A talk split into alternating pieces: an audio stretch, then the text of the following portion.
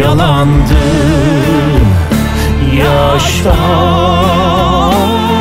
yalan Sokaklar bir gerçek vardı Çocuk olmaktı O Ses Türkiye yarışmasının galibi Dodan, ilk çalışması Yoksun'la 11 Kasım Cumartesi günü saat 12'de Rengarenk programının konuğu. Kaçırmayın. Yalandı Yaşam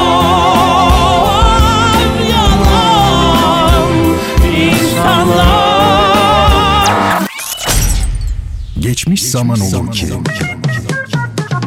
Tarihin en ilginç olayları ve en renkli kişileri bu programda. Bertan Rona tarafından hazırlanıp sunulan Geçmiş Zaman Olur ki sizleri her hafta şaşırtıcı konularla dolu bir tarih sohbetine davet ediyor. Geçmiş Zaman Olur ki her pazartesi ve her cuma saat 21'de Samsun'un Gerçek Radyosu'nda. Dinlemiş olduğunuz programda ürün yerleştirme yapılmaktadır. Bertan Rona ile Duyuşlar Müzik, sanat, edebiyat, dil, kültür ve hayat üzerine duymak istediğiniz her şey bu programda. Bertan Rona ile Duyuşlar her çarşamba saat 22'de Samsun'un Gerçek Radyosu'nda. Bertan Rona ile Duyuşlar başlıyor. Sevgili dinleyicilerim, hepinize iyi geceler diliyorum. Hepinizi sevgi ve saygıyla selamlıyorum. Bertan Rona ile Duyuşlar az önce de duyduğunuz gibi başladı. Bu gece de hep birlikte duyuşacağız, duyuşmaya e, çalışacağız. Nedense bu hafta çok uzun bir ara vermişiz gibi bir hisse kapıldım. Öyle geldi bana. Nedenini bilmiyorum. Sanki bir haftadır değil de böyle 2-3 haftadır görüşmüyormuşuz gibi. Ama öyle değil herhalde psikolojik zaman böyle bir şey kişiden kişiye göre e, değişebiliyor. E, bu gece yine kitap hediyemiz olacak zaten onu söylemeye gerek var mı bilmiyorum. Programın içinde size bir soru soracağım ve o sorunun cevabını Twitter üzerinden ilk cevaplayan kişiye, dinleyicime e, kitabını ulaştıracağız. Sevgili dinleyenlerim Twitter adresim Bertan Rona şeklinde adım ve soyadımdan oluşmakta. Aynı şekilde Instagram e, hesabım da öyle Bertan Rona biçiminde. Onu şimdi kullanacağız o önemli. E, sadece Bertan Rona ile Duyuşlar programı için bile Instagram'da bir hesap açmaya değer. Efendim öyle söyleyeyim. Şimdi fazla e, uzatmadan doğrudan hemen konularımıza girelim. E, şehirleri biraz gezmeye çalışmıştık kırık dökük. E, nereleri gezdik hatırlamıyorum. E, Viyana vardı galiba, Amasya vardı. İtalya'dan başka bir yer var mıydı? Floransa var mıydı hatırlamıyorum. Bir şeyler vardı ama onu hatırlıyorum. E, bu akşam sizleri Nürnberg'e götüreceğim. E, şöyle tabiri caizse derler ya nereye gidiyoruz buraya gidiyoruz. Aslında gittiği falan da yok tabii öyle yerleşmiş dile. E, Nürnberg ile ilgili biraz e, şey yapacağız konuşacağız. Önce biraz anlatayım size e, Nürnberg'i. E, şimdi Nürnberg e, Amerikalılar özellikle İngilizler ve Amerikalılar telaffuz edemediği için Nuremberg de denen bir şehir. Yani Nuremberg gibi de görmüşsünüzdür. Ee, yani demek ki Amerikalı ve İngiliz Nürnberg diyemediği için Nuremberg diyor. Bundan çıkaracağımız sonuç e, köylü amcam işte Köln mesela Köln şehrinde Köln diyor ya ona demek ki çok bozulmayacağız yani Köln. E, demek ki sadece dili dönmeyen e, biz değilmişiz. Tabi dili dönme işin esprisi aslında e, her e, milletin dili farklıdır ve o dilin kendine göre gerekleri vardır. Bundan daha doğal da bir şey olamaz. Ayrıca bir de şu mesele var. Şehirlerin bir iç ismi vardır. Yani iç derken e, hangi ülkedeyse o ülkeye ait bir ismi vardır. Bir de dış ismi vardır. Başka milletlerin. Yani şehirler de böyledir genellikle. Ee, şey de böyledir. Yani sadece şehirler değil, ulusların adı da böyledir. Mesela Almanlar kendine Deutsch der ama biz Alman diyoruz. Çünkü Fransızlar Alman dediği için biz de Alman diyoruz. Alman. E, değil mi? İngilizler German diyor mesela ama adamların kendine söylediği şey Deutsch. Bunun gibi e, Nürnberg meselesi de bu. Şehirler de öyle yani. Damaskus, Şam ya da mesela Selanik diyoruz. Ama Yunanlılar Salanikos diyor. Bu çok doğal bir şey. Dolayısıyla İstanbul'a da Konstantinopol denince hani kıyamet koparıyoruz ama yani ben anlamıyorum yani kimse bizden izin alacak değil yani istediğini söyler. Biz diyoruz işte biz E, öyle değil mi? ya? Bu çok doğal. Bu dille ilgili bir şey. Tarihsel gelişimle ilgili bir şey. Yoksa bunun altında başka bir şey aramamak lazım. Kölün e, meselesi gibi Nürnberg. Önce onu söyleyeyim. Uzatmadan e, devam edeyim. Şimdi e, Nürnberg'le ilgili ilk söylenecek şey eğer Hitler e, İkinci Dünya Savaşı'nı kazansaydı muhtemelen Nürnberg e, dünyanın başkentiydi. E, önemlidir yani Nürnberg Hitler için çok önemli bir yerdir. E, Almanlar için de o açıdan son derece önemlidir. Nürnberg mahkemeleri bu İkinci Dünya Savaşı sonunda Nazilerin yargılandığı Nürnberg mahkemelerinin Nürnberg'de olması boşuna değil. İşte bu sebeple orada kurulmuştur. Yani diz çöktürme al sana Nürnberg gibi. E, biliyorsunuz orada çok büyük bir stadyum yapmayı düşünmüş Adolf Hitler. O da var. Efendim e, Wagner'in ünlü bir operası vardır. Nürnbergli Usta Şarkıcılar diye. Yani Meistersinger. Nürnbergli. E, Wagner de biliyorsunuz e, yer yer Nietzsche ile beraber Nazizmin temeli olarak da görülmüştür. Yani Naziler tarafından tabii. Kullanılmıştır yani. Büyük düşünürlerde pek çok noktaya çekilebilecek fikirler olur. Mesela Kant. Kant'ın düşüncesinde e, aşırı idealist e, söylemler de vardır. E, çok materyalist bir temel de vardır. Yani büyük düşünürlerde bu olur. Descartes'ta da var mesela. Wagner'le Nietzsche'de biraz böyle. Nürnberg bir de Albert Dürer'in evi var. Oralı çünkü o ve Kuzey Rönesansı'nın en önemli sanatçılarından, artistlerinden bir tanesi. Meşhur tavşan var ya hani tavşan resmi. Dürer'in e, işte o Albert Dürer de şey Nürnbergli. Tavşan resmi de Albertina'daydı. Biz kısmen onun üzerinde durmuştuk yani Viyana meselesini konuşurken. Bana göre Nürnberg Almanya'nın en güzel şehri. Yani küçük bir şehir. Herhalde bir 400 bin civar nüfusu vardır diye tahmin ediyorum. O açıdan e, güzel ve tarihi dokusu e, korunmuş. Tam orta çağ şehrini hissediyorsunuz. Rodos mesela. Rodos gerçek bir orta çağ şehridir korunmuş. Nürnberg de biraz öyle. Bir de e, bol bol böyle küçük dereleri, kanalları daha doğrusu vardır Nürnberg'in. Hani Stockholm'e kuzeyin Venedik'i derler ya. Nürnberg'e ne denir? Nürnberg'de işte kendi çapında bir küçük Venedik olsun yani.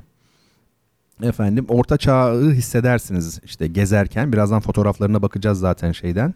Instagram'dan. Yani bakan arkadaşlarımız baksın ben oradan göstermeye çalışırım. Ee, şimdi merkezi de Marktplatz e, var şeyin Nürnberg'in merkezinde. Marktplatz ne demek? E, pazar meydanı aslında. Market meydanı. Market pazar demek. Pazar tabii çok çok önemli bir şey. E, kapitalizm pazar olmadan olmaz. Yani ulusal ortak pazar kurulmadan, oluşmadan kapitalizm oluşamaz. O bakımdan millet kavramının e, oluşması açısından da kapitalist ortak pazar zaruridir. Bu önemli bir şey. Rönesans'tan sonra Avrupa ülkelerinde özellikle İtalya'dan başlayarak tabii ve da Portekiz'den yani denize kıyısı olan yerlerden başlayarak bir pazar meselesini görüyoruz. Ee, ve bunun için de tabii ne lazım? Meydan lazım. Değil mi? Pazar çok insan arasında yapılan bir alışveriş. E, meydanda da çok insan bulunabilir.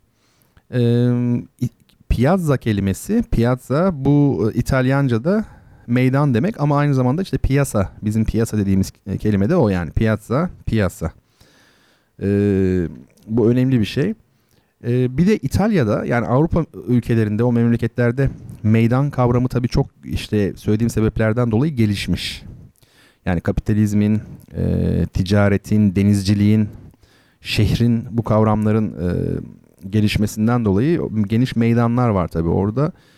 İtalya'da o kadar e, şey köklü ki bu şey kültürü, meydan kültürü.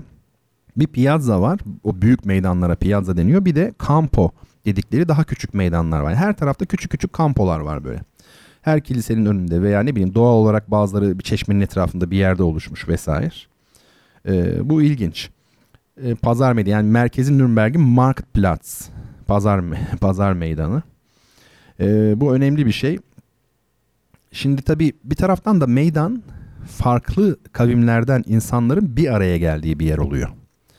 Çünkü e, serbest pazar ekonomisi ve deniz ticareti, deniz temelli yapılan ticaret farklı kültürlerin buluşmasını sağlar. Farklı insanların birbirini görmesini, görüşmesini sağlar. Bunu gerektirir bir taraftan da.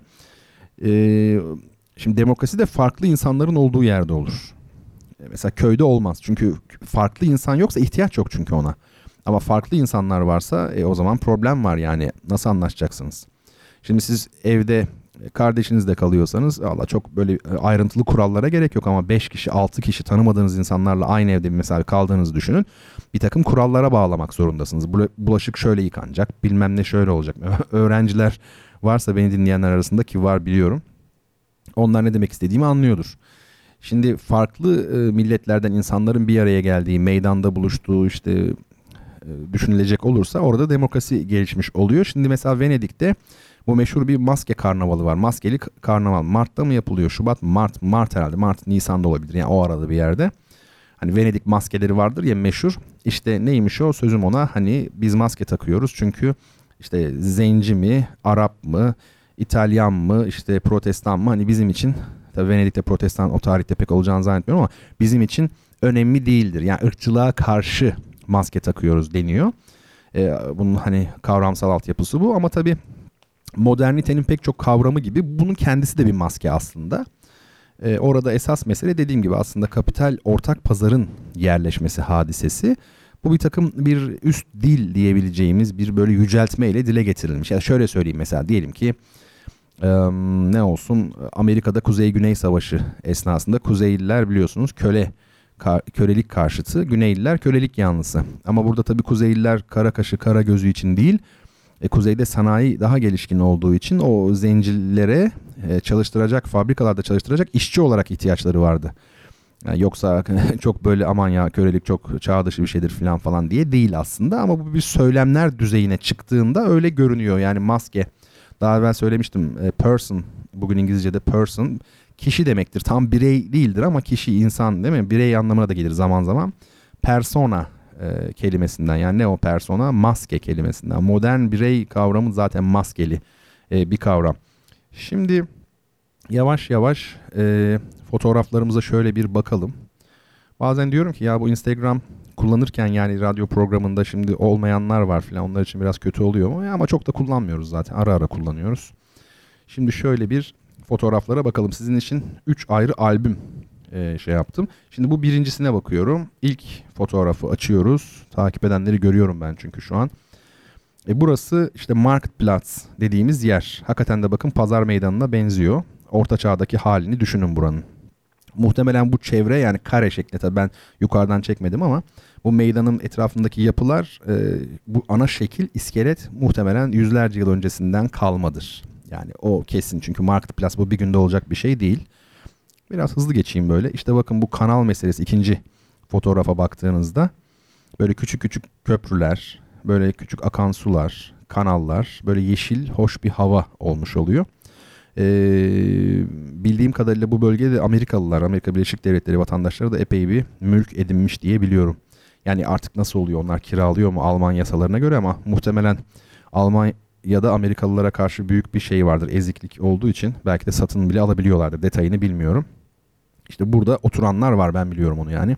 Bir başka fotoğraf, üçüncü fotoğraf. Yine bakın söylediğim gibi e, tarihi yapılar, böyle bir köprü ve yine su. Arkasındaki fotoğraf hızlı geçiyorum biraz çünkü bunlar hep birbirine benzer. Yine aynı manzara, hoş bir hava var. Böyle bir başka resim yine. Geçiyorum onu da. Evet yine köprü var. Buradan itibaren yavaş yavaş e, bu fotoğraftan itibaren şeye doğru gidiyorsunuz. Kaleye doğru gidiyorsunuz. Çok güzel bir kalesi var Nürnberg'in. Oradan hem şehri görebiliyorsunuz hem de kalenin olduğu bölge çok tarihi. Rodos gibi yani. Zaten kale demek şehir demektir. Ee, ve bu kısımdaki son fotoğraf artık yavaş yavaş kaleye çıkılan yolun eğiminden anlarsınız zaten. Yol eğimli. İkinci albüme doğru şöyle geçersek. ikinci albümde evet artık kaleye daha bir yakınız. Bakın kule falan görünüyor. Geçtim. Evet. E, turist popülasyonu da artıyor gördüğünüz gibi ikinci fotoğrafta. Çünkü yani Nürnberg'e gidenler kaleyi mutlaka görmek istiyor haklı olarak. Dünyanın her tarafından insanlar var burada. Farklı dilleri duyabilirsiniz yani çok. Amerikalılar çok onu söyleyebilirim. Zengin Amerikalılar yani onlar yani kültürlü ve zengin Amerikalılar tabii yani İtalya işte bu tip tarihi yerleri Rönesans, hani Kuzey Rönesansı şu bu seviyorlar tabii ki. Buradan artık kalenin bakın sağ tarafı fotoğrafın sağına baktığınızda duvarı görüyorsunuz zaten. O kalenin burçlarının son noktaları herhalde. Oradan iki vatandaş yukarı doğru çıkıyor. Şimdi biz de çıkmış olduk. Evet yükseldik bir sonraki fotoğrafta. Şimdi bir sonrakinde daha da yükseleceğiz herhalde. Evet şu an Nürnberg'in bir kısmı görünmeye başladı. Binaların yapısı zaten belli. Biraz daha devam edelim. Evet. Şimdi şu karşıda gördüğünüz, uzakta gördüğünüz bina opera binası. Şimdi ona da geleceğiz zaten. Evet daha yakın plandan bir sonraki fotoğrafta çekilmiş hali var. Bu yapı Nürnberg Operası. Bakın bir şey var orada heykel. Trompet çalıyor böyle bir koymuşlar onu oraya. Bu da binanın altından artık çekilmiş hali. Yani şeyden değil de kaleden değil de binanın altından. Bir sonraki fotoğraf bakın zaten yazıyor Opera House yani opera evi. E, günümüzde de şimdi hani Taksim'de opera binası falan konuşuluyor. Orada temel bir hata var onu söyleyeyim. Şimdi opera binasının en önemli özelliği, ilk özelliği şu olmalı. Opera binasında operadan başka hiçbir şey olmaz. Olmaması gerekir. Dünyada da pek örneği yok. Yani bütün operalar opera house ya da opera sarayı. Tek opera yapılır orada. Başka hiç tiyatro bile yapılmaz. Sadece opera yapılır. En fazla üst katında bir restoran yaparsın. Prestij için ve biraz da para kazanmak için filan. Tabii Avrupa'daki e, operalar bizdeki gibi e, şey yapılmıyor.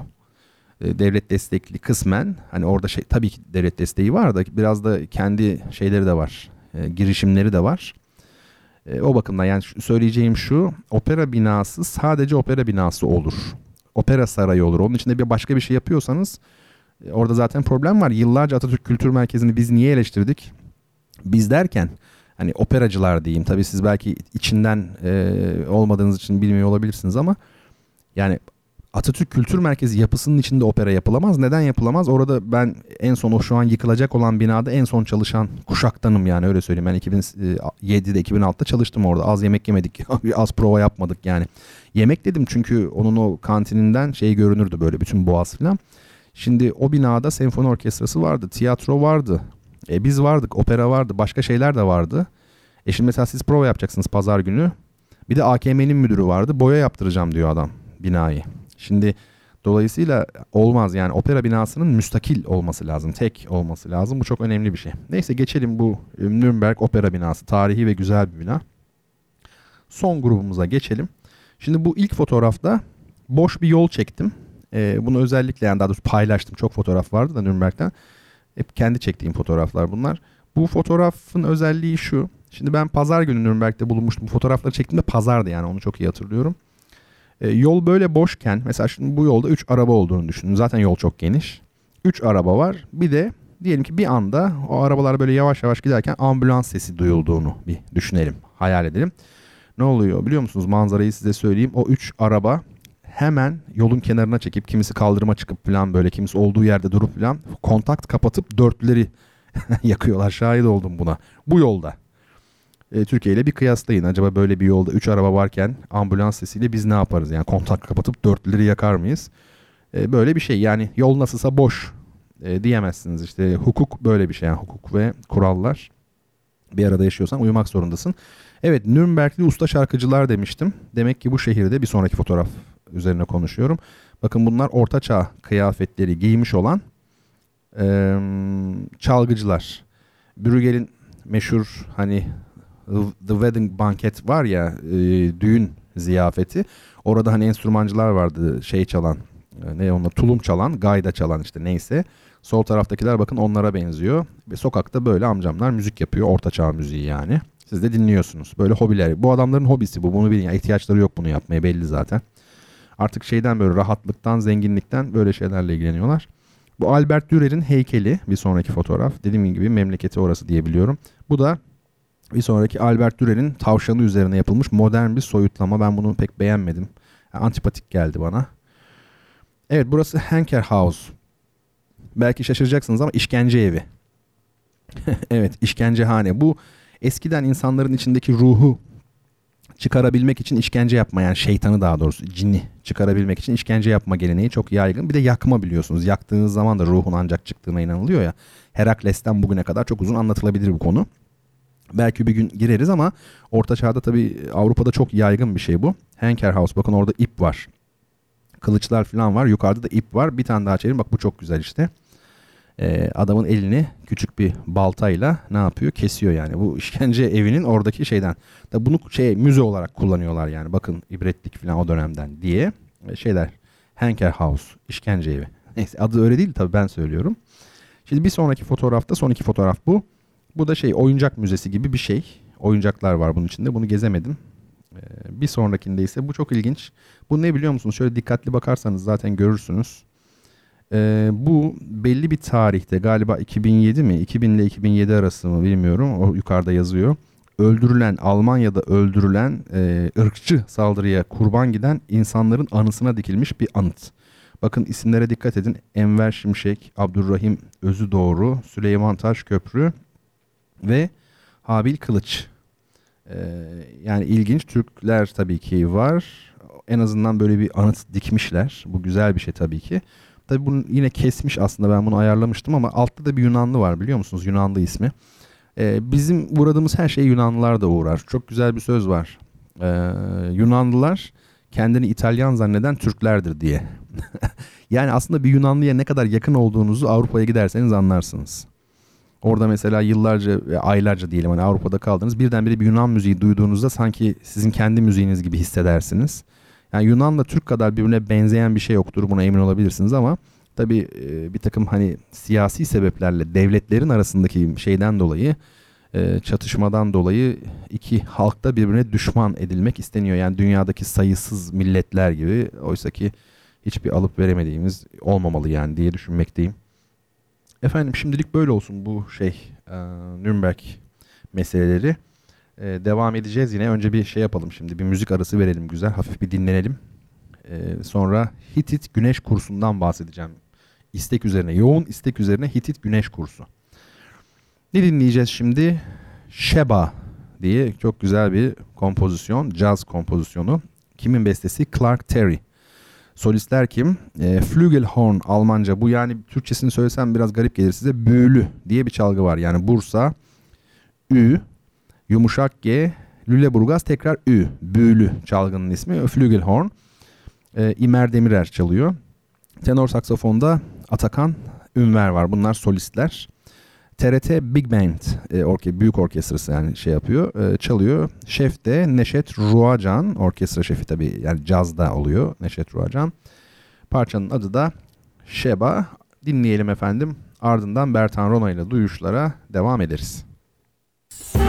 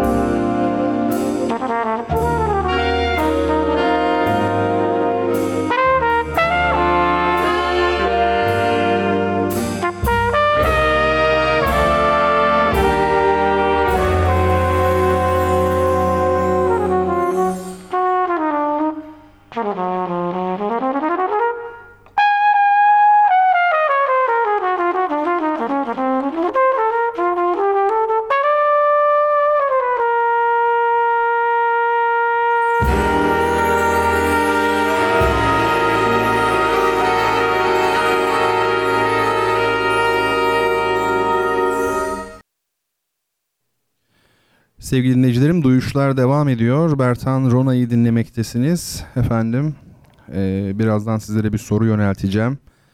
Bertan Rona Twitter hesabından doğru cevabı ilk gönderen dinleyicime de bir mütevazı hediyem olacak efendim. Bir kitap göndereceğim. Bilginize sunulur. Sizlerin bana sorusu varsa lütfen e, iletiniz. E, Zeyd Mican e, öyle yapmış zaten bir soru sormuş. Hatta bir değil iki tane soru sormuş. O soruları yanıtlamaya çalışayım klasik müzikle ilgilenen biri olarak pop müziğe karşı bakışınız nasıl? Ee, şimdi şöyle bir şey var hani bazen denir ya sanat müziği dendiği zaman sanat müziği derken yani klasik Türk musikisini kastetmiyorum. Sanatsal müzik yani ciddi müzik Beethoven ne bileyim hani Chopin. Bunu söylediğinizde şöyle bir tepki oluyor bazen. Ne demek işte sanat müziği? Sanat olmayan müzik mi var deniyor. Valla sanat olmayan müzik var. Hatta e, yazılmış bütün bestelenmiş bütün müziğin belki de yüzde doksanı zaten sanat değildir. Yani sanatsal içerik taşımaz. Yani hafif müzik çok güzel bir tabir. Nesi hafif? Onun sanatsal do- dozu hafif yani bir light olmuş olur. Ama bu onun kalitesiz olacağı anlamına gelmez. Ben zevkle dinliyorum açık söyleyeyim zaman zaman. Yani pop müzik derken Türkçe pop pek dinlemedim ama e, yabancı pop da yani şöyle mesela Fikret Kızılok e, dinlemişimdir mesela. E, güzel olur işte fena değil. Ya da efendim böyle yabancı bazı besteciler var pop müzikte iyi işler yapıyorlar filan. Dolayısıyla pop müzik zaten herkes dünyada şeyi dinleyemez yani klasik müzik dinleyemez. Böyle bir şeye gerek de yok yani.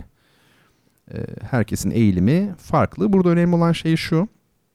Ee, bir popüler müzik olacak tabii ki. İnsanların beğendiği, zevkle dinlediği popüler şarkıcılar olacak. Ama e, bunda kaliteyi e, koruyabilmek çok önemli. Yani şu an e, Türkiye'de ve dünyada pop müzik adına yapılan işlere şöyle bir baktığınızda özellikle sözlere e, anormal bir seviyesizlik olduğunu görüyorsunuz. Yani artık iş abuklamaya varmış durumda yani. Hatta öyle bir şarkı var neydi o ponki tonki ponki ponk mu ne yani şarkının sözlerini böyle yazmış. Aslında bu hakarettir. Yani diyor ki ben böyle de anlamsız heceler de koysam sen dinlersin diyor. Zaten alan kişilerin de ben dinlediğini zannetmiyorum. Hani o listeler falan var ya bilmem ne listesinde çıktı top 10 bilmem ne falan şu bu. Ee, bu biraz manipülasyonla ilgili tabii ki yani manipüle ediliyor şeyler, kitleler. Ama bizim bu pop müzikte işte atıyorum Erol, Erol Evgin'in falan Coşkun Demir vardı eskiler daha böyle eskiler. Onların parçalarındaki sözlere bir bakın. Bir de şimdiki pop müzik parçalarındaki sözlere bakın. Yani kalitesizliği görürsünüz. Müzik olarak da yani tekno gibi oluyor artık e, günümüzde. İnsanlar aslında o parçayı yani müzik yok onun içinde. Sadece atım dediğimiz şey var. Yani tempo sürekli vuran bir şey var. Melodi de yok aslında.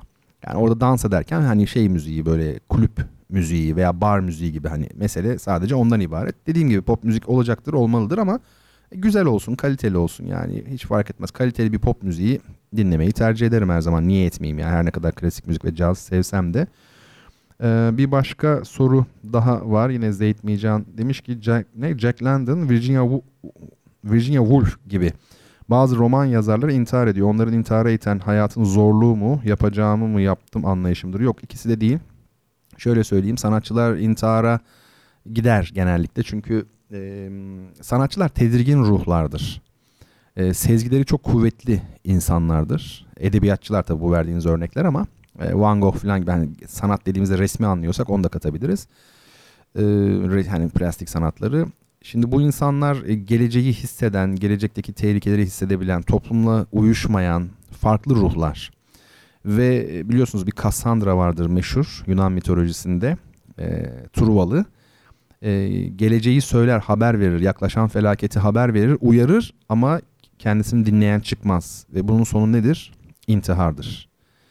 Yani sanatçıyı bekleyen iki şey vardır. Ya delirir ya intihar eder. Gerçek sanatçılardan bahsediyorum. Ha bu tabii çok büyük bir genelleme yapmayayım. Elbette ki her sanatçı böyle olacak diye bir şey yok ama Mozart 35 yaşında öldü. Sadece sanatçılar da değil. Büyük böyle bilim adamlarına falan baktığınızda da görürsünüz bunu.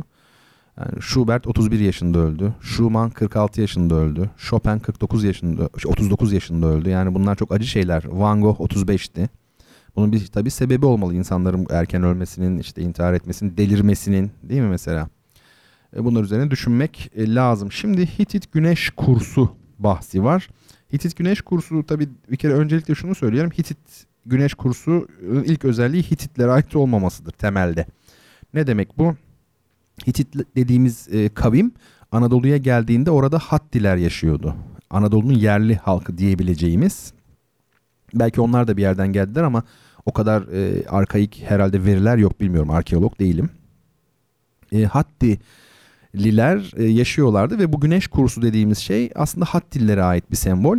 Hititler tabi e, buraya geliyorlar, yönetici oluyorlar. Yani fethediyorlar Anadolu'yu. E, Hatti halkını yönetecek bir üst pozisyona geliyorlar ama şunu unutmayın Fatihlerin yani bir bölgeyi fethedenlerin o fethettikleri bölgenin kültürüne e, alt edil et, yani o kültür tarafından fethedildiği çok olmuştur. Yani fethediyor ama aslında bir süre sonra kendi fethediliyor. Mesela şöyle düşünelim İstanbul olmasa klasik Osmanlı çehresi var olabilir miydi? Yani İstanbul'u fethetti Osmanlı ama aynı zamanda o Bizans kültüründen çok çok şey aldı. Bizans müziğini dinleyin. Bizim klasik Türk musikisinin aşağı yukarı aynı olduğunu görürsünüz. Bunlar önemli şeyler. Hititler de böyle. Dediğim gibi öncelikle Hatti denilen oradaki kavim vardı. Millet demiyorum çünkü o dönemde dediğim gibi millet yok. Kavimler diyebiliriz belki ee, en fazla. Hititler tabii şöyle e, bu Rönesans'tan sonra yani özellikle de 19. yüzyıl romantizmle birlikte e, bir İngiliz furyası var, hakimiyeti var. Emperyalizm kapsamında düşünün bunu. Yani bilimsel emperyalizm diyelim, kültürel emperyalizm. E, İngilizler tabii Yunan hayranı oldukları için ve Batı medeniyetinin temelinde de işte Yunan kültürünün, Rönesans'ın arkasında aydınlanmanın e, olduğu düşünüldüğü için böyle bir çerçeve çizildiği için kavramsal. Ee, Anadolu'da Yunanlılar dışında hiçbir şeyin olmadığı gibi bir algı oluşmuş neredeyse. Yani bilim dallarında hep böyledir. Ben şimdi sosyal bilimler alanında bir branştan e, doktorum aslında. Yani dolayısıyla mesela kaynak taraması yaptığım çok oldu bazı gözlemlerim var yani öyle söyleyeyim. Pek çok Amerikalıların şunu bunu yazdığı makalelerde hep şunu görmüşümdür. Mesela Türk müziği tabiri hiç kullanılmaz. Ya Arap müziği ya İran müziği. Mevlana'ya işte Persian poet tamam e, Mevlana Fars kökenli olabilir ama yani bir şey var bir Türk isminin üzerine çizilmesi var. Aynı şey Anadolu için de geçerli. Yani Anadolu'da hiçbir şey yoktu. Truva Savaşı ile birlikte Troya ile birlikte işte efendim Ahalar o zamanki ismiyle geldiler. Yunanlılar buraya medeniyet getirdiler yani bu çok klasik bir şey söylem. E, Hititler de uzun süre yok sayılmıştır. Yani Hitit diye bir kavim sanki Anadolu'da yok gibi. Oysa ki tabii var Kadeş Savaşı'na bile sadece bakmak yeter. Yani bırakın var olmayı şöyle söyleyeyim. Kadeş Savaşı'nda e, Mısır e, Firavunu 2. Ramses canını zor kurtarmıştır şeylerden Hititlerden çok hafife aldığı Hititlerden ve sonra bir anlaşma yapılıyor karşılıklı e, Mısırlılarla Hititliler arasında. Bu anlaşma zaten şunu gösteriyor. O dönemde dünyanın en büyük gücü olan Firavun'a yani Mısır'a eş bir güç var Anadolu'da. O da Hititler. Bu çok önemli. Bunu mutlaka e, bilmek lazım. Yani Hititleri biz ne kadar ön plana çıkarsak azdır. Şimdi Hititçe çok ilginç. Hint-Avrupa dil grubundan bir dil. Hititçenin e, keşfediliş öyküsü de hakikaten inanılmaz derecede enteresandır. Yani dünyanın henüz Hititlerden doğru düzgün haberinin olmadığı bir zamanda Hititçe e, keşfedilmiş. Yani ve bunu biliyorsunuz e, Friedrich Hrozny ünlü bilim adamı Hititçeyi çözen bilim adamı. Şimdi bakın e, nasıl e, keşfetmiş? Buradan size kısa bir şey okuyacağım. Şimdi bunu ben arzu ettiğim için okuyacağım. Hititçe denilen dilin deşifre edilmesinin hikayesi. E, o yıllarda yapılan çalışmalarda pek çok tablet çıkarılmış. Bu tabletlerden birini çözemiyor bilim adamları, anlayamıyorlar. Arzava bölgesinde çıktığı için de kendi aralarında bu tabletlere Arzavaca diyorlar. Yani Arzava dili diyorlar. Ama hangi dil olduğu belli değil. İşte bunu çözen Friedrich Hrozny yani bu Hititçe aslında. Ee, şimdi bakın nasıl çözmüş? Ee, bu bir kitaptan size kısaca okuyacağım. Başka bilim adamları gibi Friedrich Hrozny de bu ve diğer birçok arzavaca tümce yani cümle üzerinde kafa yormuştu. Hrozny 1905'te 26 yaşındayken Viyana'da astroloji profesörüydü ve akademik uzmanlığının yanı sıra diller konusunda da engin bilgi sahibiydi. Meslektaşları gibi Hrozny de çivi yazısını çok iyi okuyordu. Ayrıca yazıların ses değerlerini de iyi biliyordu. Yani Arzavaca olarak bilinen bu metinleri sesli olarak okuyabiliyordu. Ancak anlayamıyordu. Yani karşımızda bilinmedik bir dil var. Yani okuyor adam, bayağı telaffuz ediyor ama anlayamıyor çünkü bilinmedik bir dil. Sadece bazı kavramların anlamı açıktı. Çünkü onlar Arzavaca ya da Hititçe değil Sümer ideogramları şeklinde yazıya dökülmüştü. Bu ideogramlar Sümer kökenli resim ya da sembol dilinin bir bakıma aksesuarlarıydı ve her işaret bir nesne ya da kavramı simgeliyordu. Çin işaret dili ya da hierogliflerde olduğu gibi. Yukarıdaki tümcede bilim adamları sadece Sümer ideogramı Ninda'yı keşfedebildiler ve Ninda ekmek anlamına geliyordu. Yani yazının o kısmında bir Sümer ideogramı varmış. O da Ninda yani ekmek anlamındaymış. Tek bildikleri bu Arzavaca tabletin içinde buldukları bu ekmek. Ekmek yenilen bir madde olduğundan Hrozny bu isme uygun bir yüklem sözcüğü aramaya koyuldu ve sonunda buldu da. Çünkü konuya egzotik bir Ön Asya lehçesinin çözümü olarak odaklanmamıştı. Bilinmeyen bu dilin bazı gramer özelliklerinden çıkardığı ipuçları bir Orta Avrupalı olarak ona tuhaf bir şekilde tanıdık geliyordu. Sonunda Hititçe ezzatenni yani yiyeceksin sözcüğünün ona hiç de yabancı olmadığını anladı. Eski yüksek Almanca'da ezzan, yeni yüksek Almanca'da essen, Latince'de edere ve İngilizce'de eat yemek yemek anlamına gelir. Yani ezzatenni yemek yemek bu enteresan onu buraya benzetmiş. Bir sonraki adımda Hititçe tümcelerdeki diğer isimler de Hrozny'nin dikkatini çekti. Besbelli ki ekmek ile birlikte adı geçen Vadar, İngilizce'deki water, Almanca'daki Wassa ya da eski Saksonya dilindeki water anlamını taşıyordu ki biliyorsunuz su demek bunlar. Bundan sonrası çorap söküğü gibi geldi. Giderek benzer sözcükler ve bunların kökleri berraklaşmaya başladı. Win yani wine yani şarap. Quiz ya da quit Latince quiz ve quit yani kim ve ne. Memal eşittir mel yani un. Patar o da feder ya da İngilizce'de father. Pardon feather tüy. Uk Latince'de ego yani ben. Eski doğuya ait dünya görüşü temelinden sarsılmıştı. Kim derdi ki milattan önce 2. bin yılda Orta Anadolu'da bir imparatorluk olacak? Hükümdarı Mısır firavununa denk görülecek ve Latince ile eski yüksek Almanca karışımı bir dil konuşacak. Olacak iş değildi. Evet bu çok güzel bir kitap. Hititler Bilinmeyen Bir Dünya İmparatorluğu adlı bir kitap. Arkadaş yayınlarından Birgit Brandau ve Hartmut Schickert'in kitabı. Daha önce tanıtmıştım zaten bu kitabı. Bakın işte burada benim söylediğim mesele var. Yani bilim dünyası şoke oluyor. Çünkü yok sayıyorlardı daha önce. Ve o dönemde milattan önce 2. bin yılda yok sayılan Anadolu'da eski Almanca ile Latince karışımı bir dil konuşan ve Mısır firavununa denk olan bir güç var. Ee, ne kadar yok sayıldığını anlamış olduk böylelikle. Şimdi ım, güneş kursunda bu güneş kursu denilen şey de aslında hatti güneş kursu. Tabii önemli olan şey güneş. Etrafında bir takım işaretler var ama önemli olan şey. Güneş e, ısı, ışık ve yaşam e, kaynağı olarak insanların taptıkları ilk şeydir. Yani e, şey toplumlarda, tabiatla iç içe yaşayan toplumlarda güneşin önemi tabii tartışılmaz. İşte 21 Mart'ın kutlanması Nevruz olarak filan değil mi? Hep bunlar e, tarım topluluklarının yani toprakla birlikte, tabiatla birlikte yaşayan insanların e, işi. E, Mısır'daki Ra'yı biliyorsunuz. Yani pek çok güneş tanrısı vardır. Apollon vardır, şu vardır, bu vardır. Hazreti İsa aslında Hazreti İsa'nın özelliklerine baktığınızda bir şeydir o. Güneş tanrısının özelliklerini görürsünüz. Ee, Hazreti İsa'da. Bu arada antik Yunan'daki Apollon Hititlerde Apollunas e, olarak karşımıza çıkıyor. Yani onun da Hititlerden alınma ihtimali son derece yüksektir. E, 25 Aralık tarihinde biliyorsunuz 21 Aralık en uzun gece. 25 Aralık'ta tekrar günler uzamaya başlıyor. Ama güneş nereden doğuyor? Nerede doğuyor? Doğduğu nokta Crux takım yıldızı yani haç takım yıldızının olduğu yerde. İşte o haç takım yıldızının üzerinde güneşi koyduğunuz zaman pagan sembolü olur. İşte Hazreti İsa'nın 25 Aralık'ta sözüm ona doğmuş olmasının meselesi de budur. Şimdi e, bu e, güneş kursu yani güneşin çok önemli olduğunu kısaca burada anlatmaya çalıştım artık biliyorsunuz zaten. Tunçtan yapılan bir şey güneş kursu. Tunç da çok önemli. Bakıra üstündür. Yani Tunç'un bulunması Tunç çağı diye bir çağ var biliyorsunuz. Tam İlyada Savaşı'nın olduğu dönem. Şey Truva Savaşı'nın. İlyada'yı okurken sürekli e, kargı yani bu savaş aleti Tunç kargıyla deldi diyor bilmem ne. Hep Tunç. E, bu çok önemlidir yani o dönem için. E, güneş kursu aslında bir tür alemdir.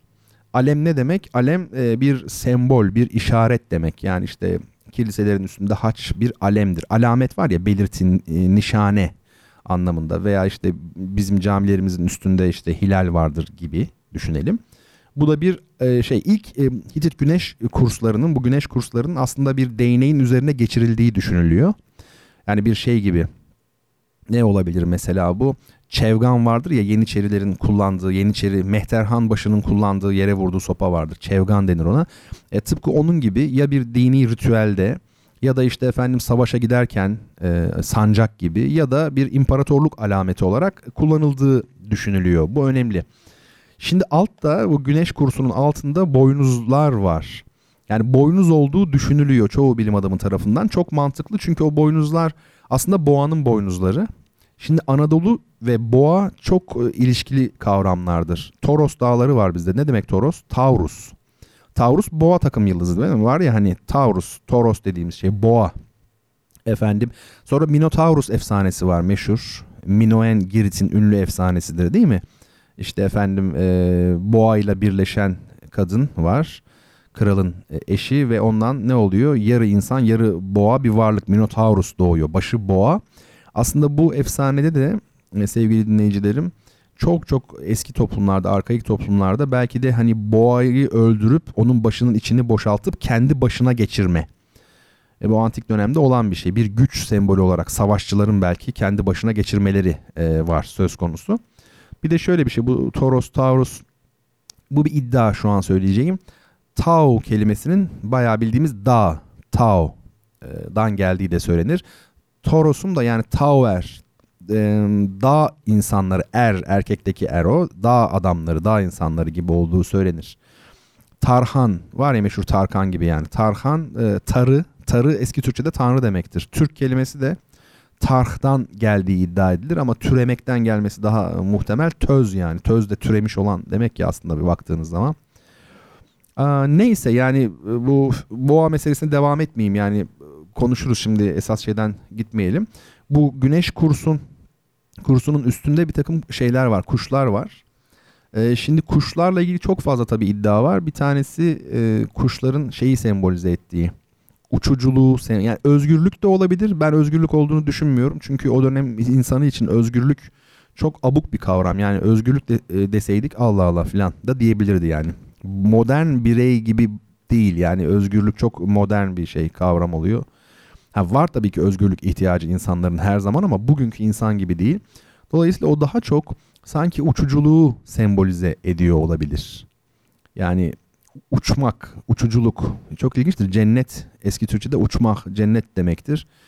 Ee, şimdi e, ruh da uçuculuğuyla değil mi? Tuz ruhu diyorsun. Yani niye tuz ruhu diyorsun? Çünkü tuz ruhu dediğimiz şey uçucudur. O yüzden ruh diyorsun.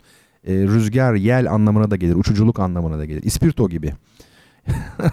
İspirto çok ilginç. Ee, ispirto spiritus yani değil mi? O da ruh böyle e, havaya uçuyor. Ya işte güneş kursunun üstündeki kuşlar muhtemelen bunu sembolize ediyor. Alt taraftakiler bir boğanın boynuzu ve zaten gerisinin hani güneşin kendisi olduğu belli.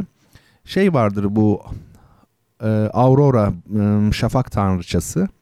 O mesela önden gider e, ve Apollon e, Tanrı Apollon'un arabasını önden çekenler vardır böyle arabacısı vardır yani özel.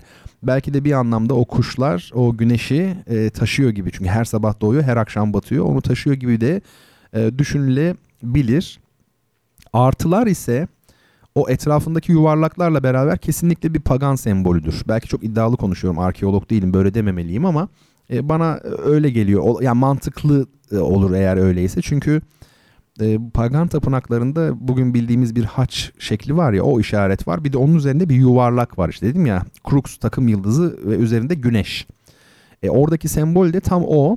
Tabi tekerlek de önemli. Daire ile ilgili konuşurken belki söylemiştim. Tekerlek ve tekerlekin tekerleğin içindeki e, o şey çark, kasnak her neyse onu da sembolize ediyor olabilir. Çünkü tekerleğin bulunması çok önemli bir şey. En heyecanlı kısmı da bu zaten. Bu arkaik medeniyetleri, eski medeniyetlerin kültürünü bilemiyoruz tam olarak. Ve çok büyüleyici bir alan. Çalışmak isterdim o, o alanda. Yani Eski diller uzmanı olmak, deşifre etmek isterdim. Matematiği de isterdim yani iyi bir matematikçi olmak. Yani merak çok enteresan bir şey. Epeyce bir konuştum galiba. Aslında daha uzun bu konu da e, yani diğerlerine zaman kalsın istiyorum. Sadece şunu söyleyeyim. Boğa e, Türkler için de yani Asya'daki topluluklar için de çok önemli. Çünkü e, Himalayalar bölgesinin üst tarafında fil yoktu.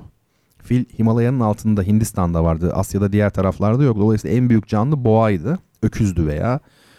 işte bu öküz e, efendime söyleyeyim İngilizce'deki ox o da öküz demek. Oxford'daki ox da oradan geliyor. Augustus, August dediğimiz şeyde bunların hepsi e, öküzle ilgili kelimeler. Onu e, söyleyelim ve şimdi bir ara daha verelim. Sorularınız varsa lütfen bana iletin sevgili dinleyicilerim. Ben onları e, cevaplamaya çalışayım. Bu aradan sonra da ben size soru soracağım ve hediyeniz olan e, kitabı göndereceğim. Şimdi her şeyi de söyleyelim tabii. Twitter'da Bertan Rona olarak varım. Bertan Rona'dan siz ilk cevaplayan kişi olmaya çalışacaksınız. Şimdi Arabia diye güzel bir e, eser dinleyeceğiz. Yine bir caz parçası, ünlü bir parça. Hakikaten de Arap motiflerini e, yansıtmaya çalışmış besteci. Kimin bestesi? Curtis Fuller'ın tabii ki ünlü bestesi. Trompette Lloyd Kislam var. Trombonda Curtis Fuller'ın kendisi var. Alto saksafonda Chris Allen. Piyanoda Alex Naimovski. Kontrbasta Paul Brown ve davulda Jesse Hamin. Hep beraber bu ünlü Curtis Fuller bestesini dinliyoruz. Arabia. Müzik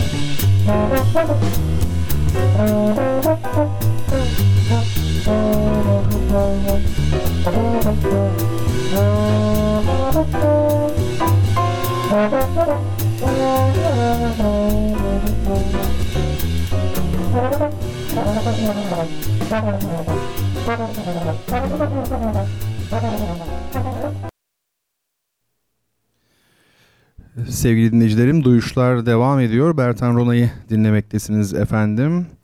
Geçen haftalarda bu biz e, film işine biraz şey yaptık. Hmm, aksattık herhalde. Film tavsiye ediyordum ama son birkaç haftadır şey yapmadım. Tavsiye etmedim. Şimdi e, onu bir anlamda telafi etmek istiyorum ama öncesinde sorulmuş bir soru, soruyu yanıtlamak isterim. Gülsüm Hanım şöyle sormuş. E, Duyuşanlar isminin müellifi değil mi fikir babası olan sevgili Gülsüm Hanım demiş ki müzikte sinestezi hakkında yorumunuzu paylaşmanız mümkün mü? Elbette e, yani sinestezi üzerinde çok yazılıp çizilmiş çok konuşulmuş bir e, fenomen bir olay. Nedir sinestezi? Adından da anlaşılabileceği gibi e, farklı alanlarda e, duyumların bir çalışması yani sinestezi. Sentezdeki sin yani bir araya getirme ve estetikteki estezi. Mesela e, notaları do, re, mi var ya hani çalıyorsunuz mesela onu renk olarak görmek. Renkleri de ses olarak e, duymak. Bazı insanların böyle bir e, şeyi var, yeteneği var. Bunlardan en ünlüsü ya da müzik camiasındaki en ünlüsünü size söyleyeyim. Alexander Scriabin. E, Alexander Scriabin çok çok e, büyük bir bestecidir. Rus besteci. Modern müziğin e, öncü isimlerinden de biridir. Yani kendine özgü tarzıyla çok değişik, tekil bir adamdır e, Scriabin'in ciddi bir sinestezi yeteneğinin olduğunu biliyoruz. E, bunun dışında Kandinsky, Vasily Kandinsky'nin de yazılarında, kitaplarında e, bu konuyla ilgili pasajlar vardır. Mesela şeyi hatırlıyorum Kandinsky'nin bir kitabında e, sanatta ruhsallık üzerine galiba yanlış olmasın 645 yayınlarından sanki aklımda öyle kalmış. E, orada e, her şeyi rengi ressam olarak her rengi bir enstrümanın sesine benzetmişti ve çok ilginç bakın ben renkler üzerine düşünmüş bir insanım az çok.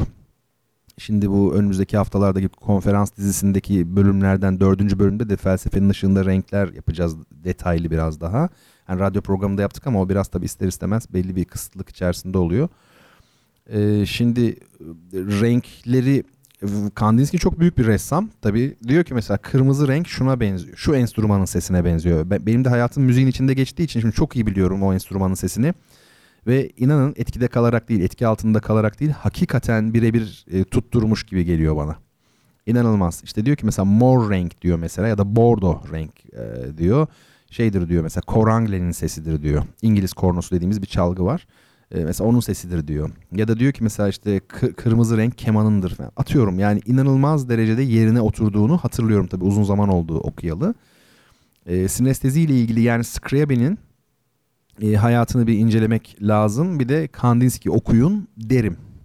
Detayını da başka zaman konuşalım isterseniz. E, ama önemli bir alan. Akademik çalışma çok yapıldı bunun üzerine. Çünkü işin içinde hani bir tıbbi boyutu olduğu için fizyolojik falan hani görme, işitme, frekanslar e, günümüz e, bilim adamlarının çok ilgisini çekiyor böyle konular. E, böyle geniş örneklemli çalışmalar falan yapılıyor bu alanlarda. Hmm, tabii beni ilgilendiren kısmı meselenin felsefi yönü. E, yoksa başka bir şeyi beni çok fazla ilgilendirmiyor. E, ama bu tabii ilginç ve güzel bir yetenek. Çünkü genelde şöyle olur. Ya mesela müzisyenler diğer sanat dallarından pek anlamaz. Diğer sanatkarlar da müzikten pek anlamazlar. Çünkü müziğin teknik yönü çok şeydir, ağırdır ama sinestezist yani sinestezi yeteneğine sahip olan insanlar mesela Scriabin felsefeye de yakın bir insan. Teozofi ile de ilgilenmiş. İlginçtir. Hani teozofi Madame Blavatsky duydunuz mu bu ismi bilmiyorum. Madame Blavatsky'nin çalışmaları varmış. Teozofi yani okült böyle gizli ilimler falan var ya böyle şeyler. Scriabin bunlara e, ilgi duyuyor. Zaten bir çeşit Mesih olduğunu söyleyerek öldü Scriabin. Ama algısı çok açık biriydi tabii. E, muhtemelen bipolar rahatsızlığı varmış e, şeyin Scriabin'in ruhsal bir hastalık. E, dolayısıyla Scriabin e, işte resimden de anlayan, edebiyata çok ilgisi olan yani böyle e, tamamını kucaklamaya çalışan insanlar her zaman e, ilgimi çekmiştir. Günümüzde tabii artık çok fazla şey haline geldi. E, bilim bölündü. Bir İngilizlerin bir sözü var. A specialist is a man who knows more and more about less and less until he knows everything about nothing diye. Ne demek bu? Yani uzman, spesyalist bugünkü uzmanları anlatıyor. Artık diyor gittikçe diyor daha küçük bir konu hakkında diyor daha fazla bilen ve en sonunda diyor hiçbir şey hakkında her şeyi bilen kişidir diyor. E, bu inanılmaz bir şey hakikaten. Eski orta çağ dünyasında yani modernite öncesi dünyada hakikat bir bütündü. Yani Platon jimnastik dersleri görmüştü mesela. Bugün tasavvuf kitaplarını açın astronomi görürsünüz. Astroloji tabii diyelim belki de. Bütünsel dünya anlayışı bu sinestezi e, yeteneği olan insanlar buna biraz tabii yatkın oluyorlar onu söyleyeyim. Şimdi bir film izledim geçtiğimiz günlerde. Filmin adı Aloys. Aynen böyle ismi. 2016 yapımı bir film yani çok taze yeni bir film. Bir yıl, bir yaşında filan bir film. Bir buçuk yaşında veya. İsviçre yapımı bir film. Minutaj 90 dakika. Yani tam ideal böyle yani bir buçuk saatlik bir film işte.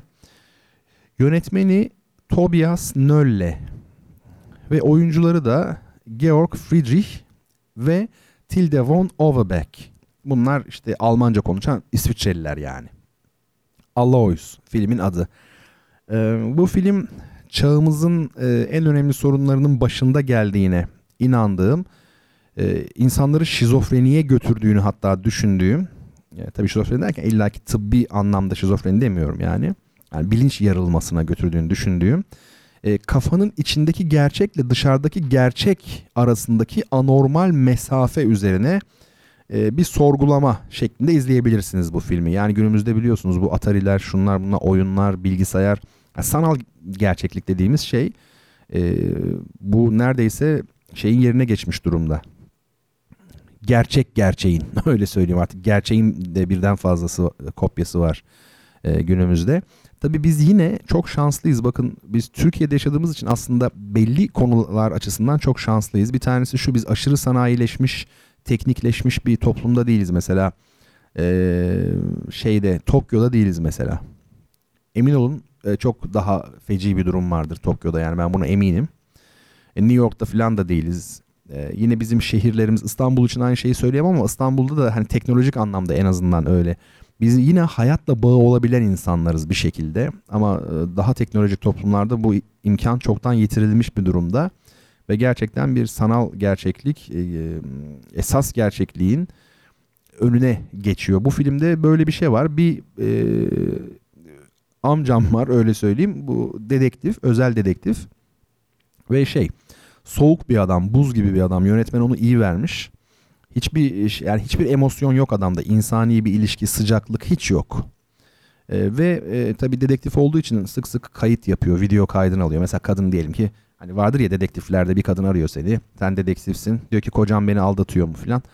İşte siz de gidiyorsunuz dedektif olarak onları kameraya çekiyorsunuz uzaktan. Parkta mesela buluşmuş diyelim. Kocası işte sevgilisiyle çekiyor falan. Bu adamın da böyle bir koleksiyonu var. Filmi anlatmayacağım merak etmeyin. Çünkü filmin başında hemen bunu veriyor zaten yönetmen. Ee, adamın böyle bir koleksiyonu var ve kamerasını yani onun içinde çektiği filmlerin olduğu kamerasını kaybediyor bir gün. Filmin hemen başlarında oluyor bu. Ve o andan itibaren film başlıyor. Ve yani gerçek mi, hayal mi, hangisi adamın e, hayal dünyası, hangisi değil bunu görüyorsunuz. Ben çok başarılı bir film olduğunu düşünmüyorum. E, bir parça da sıkıcı bir film. Yani bir parça derken şöyle ortalama e, izleyici zaten hiç bulaşmasın. Çünkü çok sıkılır yani 10 dakika tahammül edemez. Ama böyle hani nitelikli filmlere alışkın izlemeye hani nitelikli derken şöyle burada bir e, ayrımcılık yapıyor gibi anlaşılmayayım. Yani mesela Tarkovski izlemişse birisi ağır sinema diline alışkındır. Nuri Bilge Ceylan'daki ağır sinema diline alışkındır. Ya da mesela Pasolini'den Medea'yı izlemişse yani böyle çılgın, ayrıksı şeylere alışkındır. Yani bu tür e, izleyici şey yapabilir tabii ki bakabilir. Yine de o tür izleyici için bile bence e, sıkıcı denilebilecek bir şeyi var, e, anlatımı var ama içine de girebiliyorsunuz yani o kadar da demeyeyim yani kötülemeyeyim filmi. Allah oysun. E, izlemenizi öneririm. 2016 yapımı bir film. Sevgili dinleyicilerim şu an elimde bir kitap var. E, bu Sevgili Halit. Kitabın adı bu. Sevgili Halit. Kim bu Halit? E, rahmetli Halit Refi. Türk sinemasının önemli yönetmenlerinden biri olan rahmetli Halit Refi. Halit Refi'yi ben tanımadım. Ama Halit Refik'in benim hayatımda iki tane çok ilginç, önemli bağı var. Bir tanesi şu, e, ben Aşkı Memnu operasını e, e, sahneye koymuştum operada rejisör olarak. Halit Refik'i de Aşkı Memnu'yu bildiğim kadarıyla yani hatırladığım kadarıyla sinema filmi olarak çeken ilk yönetmen. Yani bu Aşkı Memnu daha sonra böyle dizilerle falan popüler olmamışken ilk 80'li yılların başında galiba çekiyor. Böyle bir şey var. Bir de benim e, doktorada tez danışmanım olan, hocam olan çok değerli hocam e, Gülper Refi hanım da e, rahmetli Halit Refik'in eşi. Ondan dolayı da e, tabii ki böyle bir yakınlığım var. Halit Refik'e ilişkin anıları dinlerdik hocamızdan. E, tabii Halit Refik çok önemli bir sinemacı olmasının yanında çok önemli bir düşünce insanıdır. Bunu da söyleyeyim. Yani o e, herhangi bir yönetmen değildir hakikaten. Hani entelektüel ilgileri, e, okuma yaptığı alanlar, okuduğu ve çalıştığı alanlar, eserleri de var zaten. E, takip etmenizi öneririm. E, kitaplarını almanızı öneririm. Orada e, bir şeyi var, bir hayat görüşü var, bir bakışı var. Türkiye'ye dair, dünyaya dair, dünyanın içinde bulunduğu e, duruma dair Halit Refik'in düşünceleri var. Tabii e, Kemal Tahir'e de mesela yakın olduğu çok fazla yön var. E, Ahmet Adnan Saygun'la çok yakın arkadaş. Kompozitör Ahmet Adnan Saygun. E, Saygun da benim yine hocamın, kompozisyon hocamın, rahmetli İstemiyan Tabiloğlu'nun e, hocası olur. Türk beşlerinin de en önemli bestecisidir belki de ve duyuşların hatırlayanlar mutlaka vardır. İlk bölümünde İstemiyan Tabiroğlu'nun e, bir eserini burada çalmıştık. Sizlere dinletmiştim. Şimdi bu kitap Halit Refik'e Mektuplar e, kitabı e, Halit Refik'e yazılmış mektupların kitaplaştırılması. E, tabii bu mektuplar Gülper Hoca'da e, bulunuyor. Gülper Hoca da bunları derlemiş e, ve rahmetli Halit Refik'e yazılan mektuplardan bir kitap oluşturulmuş. Everest yayınlarından e, bu kitap. Hmm, tabii bu kitabın yayınlanmasında Selim İleri hocanın da çok önemli etkisi vardır. Çünkü Selim İleri hoca bizim dersimize de zaman zaman gelirdi. Onunla da anılarım var. Onun dersini bir defasında bölmüştüm. Bir daha anlatmayayım belki sonra tekrar konu gelir. Enteresandı. Selim İleri de tabii ki yardımcı oluyor. Bu kitap basılmış oluyor. Kimler yazmış peki Halit Refik'e mektup?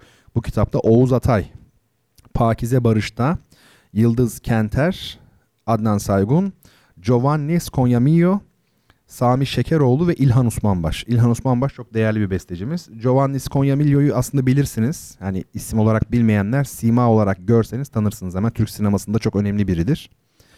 Adnan Saygun söyledim. Yıldız Kenter'i biliyorsunuz. Şimdi mesela ben buradan size bir örnek e, okuyacağım şimdi. Adnan Saygun'un 15 Aralık 1976 tarihinde İstanbul'da e, Halit Refik'e yazdığı e, mektup. Halit Refik filmlerinde Ahmet Adnan Saygun'un e, müziklerini de kullanmıştır. Yani bu önemli. Tıpkı Avrupa'daki gibi böyle ciddi gerçek bestecilerin eserlerini kullanan bir yönetmen ne güzel. Şöyle diyor Ahmet Adnan Saygun mektubunda. Muhterem Halit Bey, düzeltiyorum. Muhterem Halit Refi Bey. Mektubunuzu büyük bir memnuniyetle aldım. Kompozisyonlarım hakkındaki güzel sözlerinize teşekkür ederim. Amerika'daki çalışmalarınızın müspet sonuçlara doğru gelişmesi ayrıca sevindirici. Demek ki müşterek bir film yapımı için Türkiye'ye döneceksiniz. Bu çok iyi. Ama acaba, acaba aynen böyle yazıyor eski şey tabi. Ama acaba sonra gene oralara döneceksiniz manasına mı geliyor? Ben Amerika'da bir müddet için de olsa kalmayı bir türlü düşünememiştim.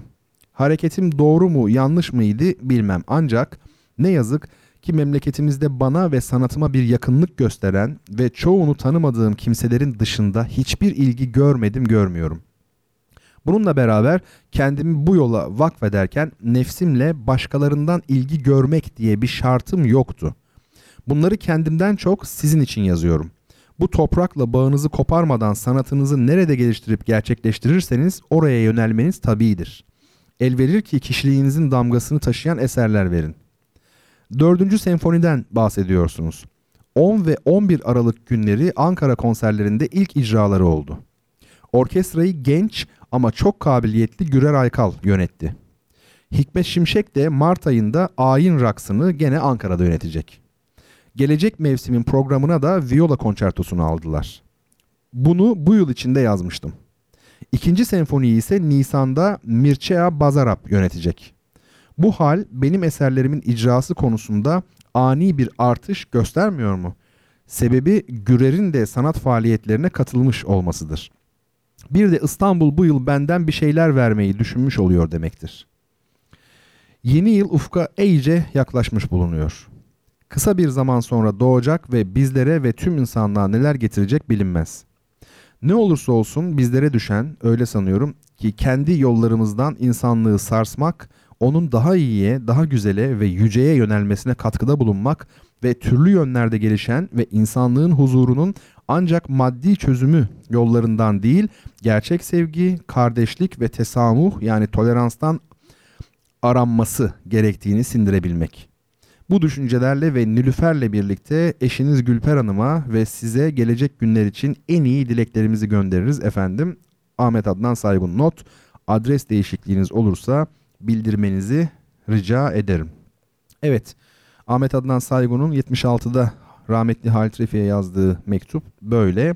Dediğim gibi Everest yayınlarından çıkmış Sevgili Halit. Halit Refik'e mektuplar kitabın adı bu sevgili dinleyicilerim. Şimdi şu sorumuza gelelim artık yavaş yavaş değil mi? Kitap hediyeli soru.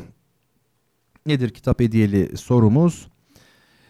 Ee, 1888 yılında İngiltere'de işlediği korkunç cinayetlerle dikkat çeken, hepsi hayat kadını olan 5 kişiyi öldürdüğü kesinleşse de toplam 20 cinayetin faili olduğu düşünülen, aradan geçen neredeyse 150 yıla yakın 150 yıla karşın özür dilerim hala kimliği aydınlatılmaya çalışılan ünlü seri katilin lakabı nedir?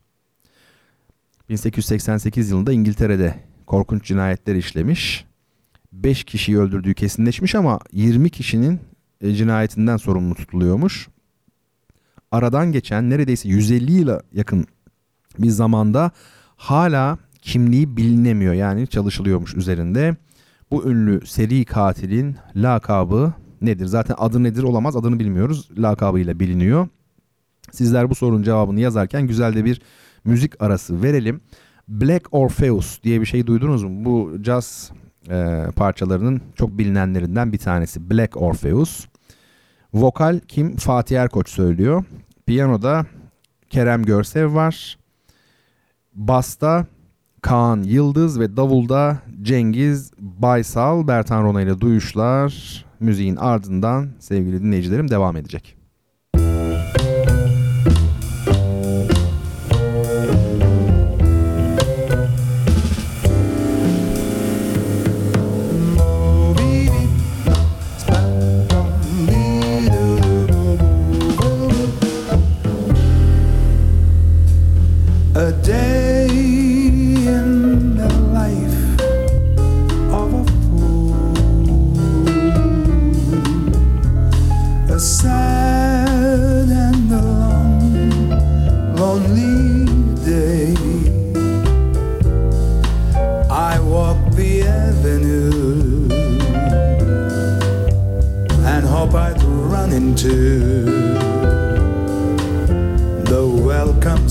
Of you coming my way.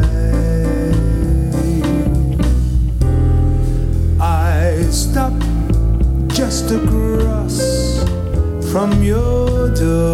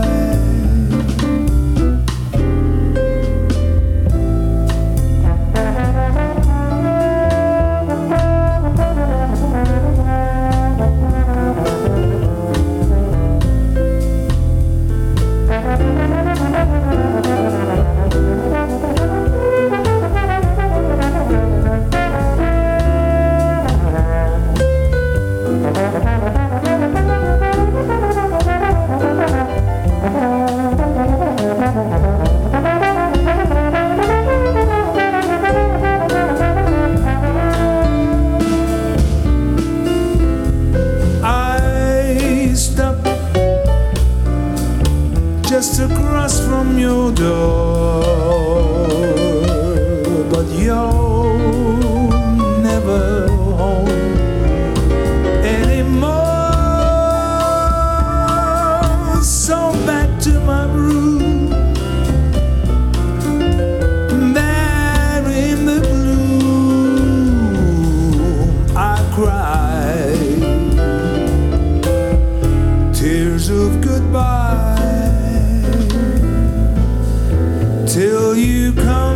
to me. That's the way it will be every day in the life of a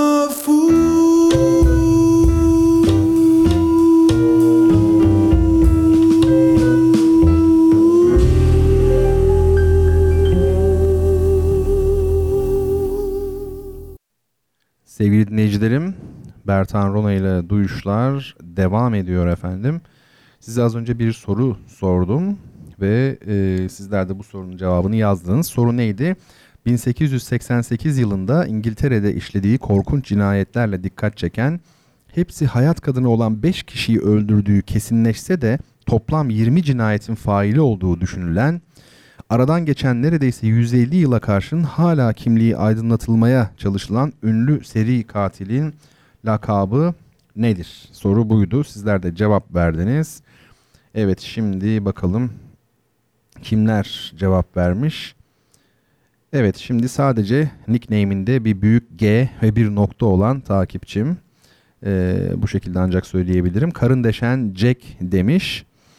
Ve e, sizlere ben kitabınızı hediye edeceğim. Şöyle yapalım. Sizi takibe alacağım ben. Efendim şu an tabii ki değişti H oldu. ha ben zaten takip ediyormuşum sizi gayet güzel. Herhalde geçen haftalardan yine bir kitap almış olabilirsiniz. Ee, siz bana lütfen e, özel mesajdan adresinizi yazınız. Ben de e, sizlere kitabınızı ileteyim. Şimdi bu akşam bir de Felsefe-i Fert var. İçimden geldi. Bir de size bir kitap gönderelim efendim. Ee, sizin cevabınız da tamamen doğru bir cevap. Sizi de ben takibe alıyorum. Lütfen bana direkt mesaj olarak yazınız adınızı, soyadınızı ve adresinizi. Ben de kitabınızı e, göndereyim. Şimdi efendim size bir şiir okuyacağım ben. Bu şiir e, aslında hem ünlü hem ünsüz bir şiir. Ne demek bu? Yani çok ünlü bir şiir aslında bilenler arasında tabii ki böyle ama yeni jenerasyon pek bildiğini zannetmiyorum. Bu şiir ünlü Elhan-ı Şita, e, Cenab Şehabettin'in Elhan-ı Şita. E, Elhan lahin kelimesinin çoğuludur. Ne demek? Melodiler demek. Şita kar demek biliyorsunuz. E, bu Cenab Şehabettin'in olağanüstü bir şiiri. Eskiden ilk kar düştüğü zaman gazetelerde, matbuatta yani bu şiir yayınlanırmış. O dönem tabi televizyon yok, bir şey yok.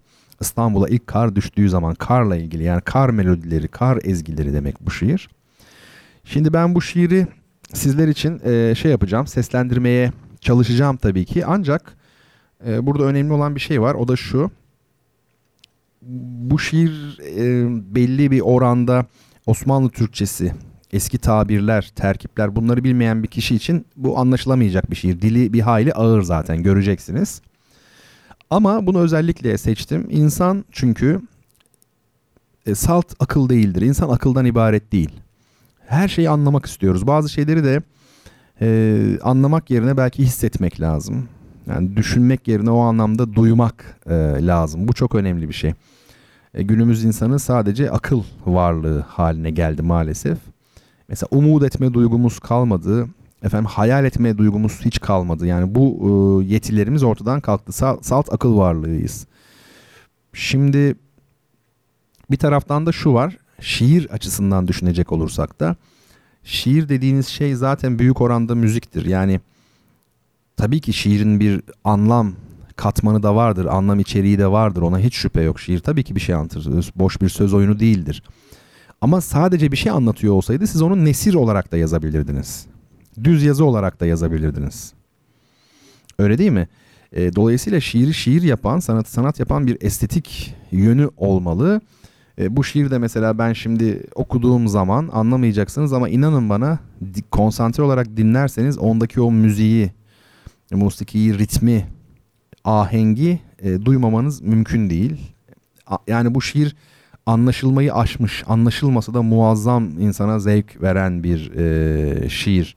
Şu müziğe şöyle bir bakın isterseniz ben şimdi size bu şiiri seslendirmeye çalışayım. E, ka- kar dediğim gibi konu kar. Karın yukarıdan yere düşmesi, e, o dönemde neler olduğu e, anlatılıyor aslında. Elhanı şita bir beyaz lerze, bir dumanlı uçuş, eşini gayi beyleyen bir kuş gibi kar, geçen eyyamı nevbaharı arar.